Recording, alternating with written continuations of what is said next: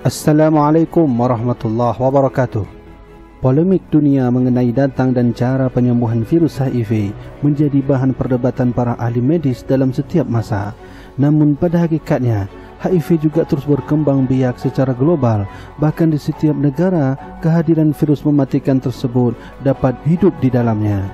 Virus HIV akan terus ada walau beragam cara pencegahan telah dilakukan. Ia hilang untuk hadir kembali walau usaha untuk memutilasi kehidupannya terus tetap terjadi. Virus ini dianggap berbahaya karena diakui salah satu sebab di mana banyak kematian di kalangan masyarakat dunia. Maka mensikapi keadaan ini, para ahli kedokteran dunia akan terus berusaha mencari solusi terbaik untuk mematikan virus tersebut. Namun anda harus tahu bahawa bentuk pencegahan kehadiran HIV tersebut faktanya Rasulullah sallallahu alaihi wasallam 1400 tahun yang lalu telah memberitahu tentang cara dan metode permanen yang paling ampuh untuk mematikan kehadiran virus berbahaya tersebut. Tentunya dengan arahan wahyu Allah Subhanahu wa taala yang diturunkan kepada Nabi Muhammad sallallahu alaihi wasallam.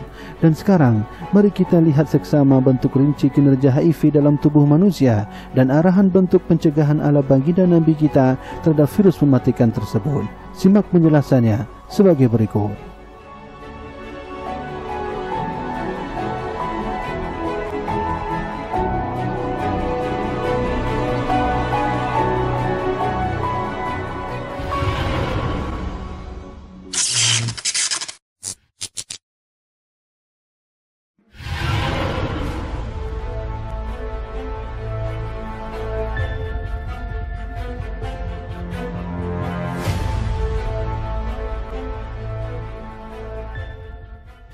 Islam sangat teguh ingin menciptakan sebuah masyarakat yang bermoral dan suci di mana hasrat tidak diselewengkan dan batas-batas syariat tidak dilanggar.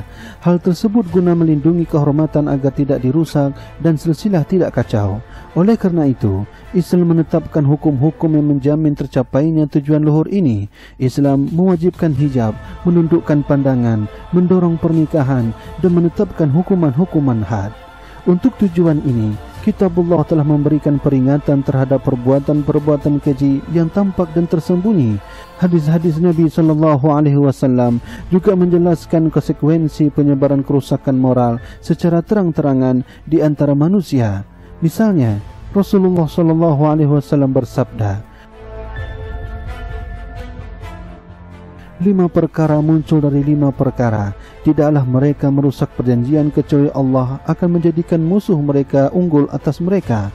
Tidaklah mereka berhukum dengan suatu selain yang turunkan Allah kecuali kemiskinan akan menyebar di antara mereka. Tidaklah kerusakan moral muncul di antara mereka kecuali wabah mematikan akan menyebar di antara mereka.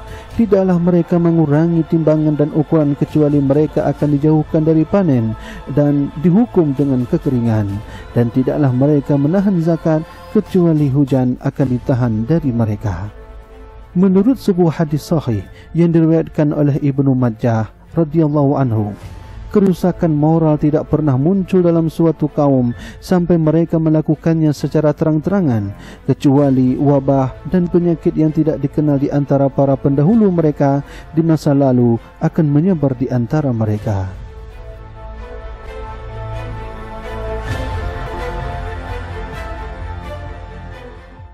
Seperti mana yang telah jelaskan oleh Rasulullah sallallahu alaihi wasallam dalam hadis di atas, sains modern dan fakta kontemporer membenarkan makna hadis Nabi sallallahu alaihi wasallam tersebut. Karena umat manusia tidak menyadari kebenaran hadis tersebut hingga dua periode terakhir abad ke-20. Sebab pada periode tersebut, kerusakan moral menyebar pada tingkat yang mengkhawatirkan dan banyak penyakit menular seksual merebak. Penyakit yang tidak lazim sebelumnya. Semua itu dikarenakan muncul dan menyebarnya kerusakan moral.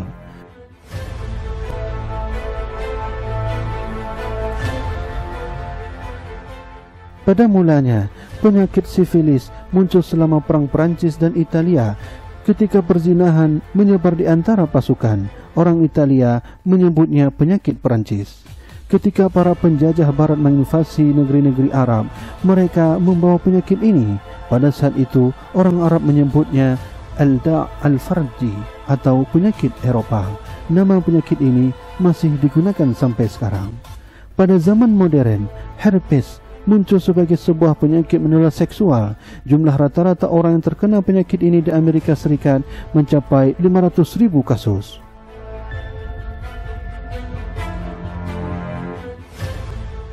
Pada tahun 1979, di Amerika Serikat, Acute Immune Deficiency Syndrome yang dikenal dengan AIDS muncul untuk pertama kalinya.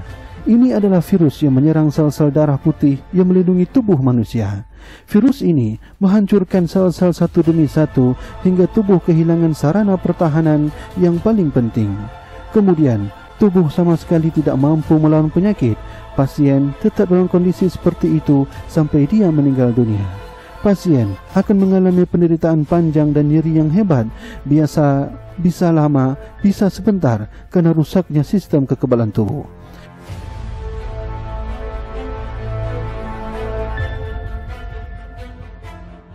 Penyakit AIDS menyebar secara mengerikan di komunitas homoseksual. Pada awal 1981, jumlah orang yang menderita penyakit ini tidak lebih dari beberapa lusin. Tetapi sekarang jumlahnya mencapai jutaan. Sampai sekarang, para dokter tidak mampu menemukan obat yang bisa mematikan virus AIDS. Yang berhasil mereka lakukan adalah membuat obat untuk mengatasi gejala-gejalanya dan mengurangi sebahagian rasa sakit yang hebat.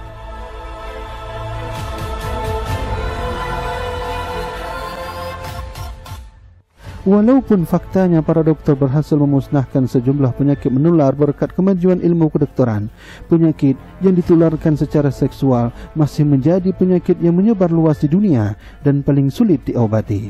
Selain kemunculan berbagai macam penyakit lain karena merebaknya kerusakan moral dan homoseksualitasif, semua itu membenarkan sabda Nabi sallallahu alaihi wasallam seperti mana yang telah disebutkan sebelumnya.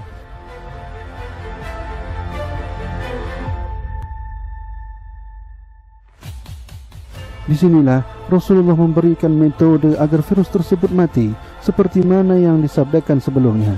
Rasulullah bersabda, kerusakan moral tidak menyebar pada suatu kaum sampai mereka melakukannya secara terang-terangan kecuali wabah dan penyakit yang tidak ada di antara para leluhur mereka di masa lalu menjadi tersebar di antara mereka.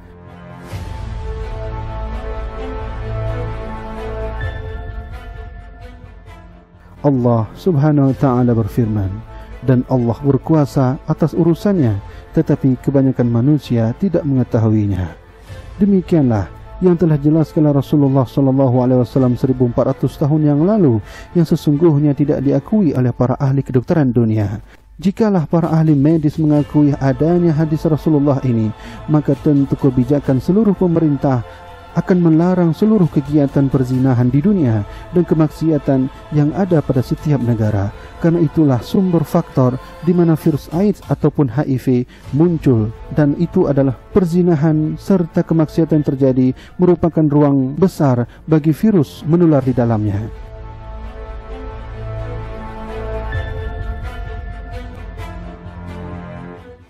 Semoga penjelasan ini bermanfaat dan semoga penjelasan ini menambah keilmuan bagi kita semua. Wallahu alam bisawab. Wassalamualaikum warahmatullahi wabarakatuh.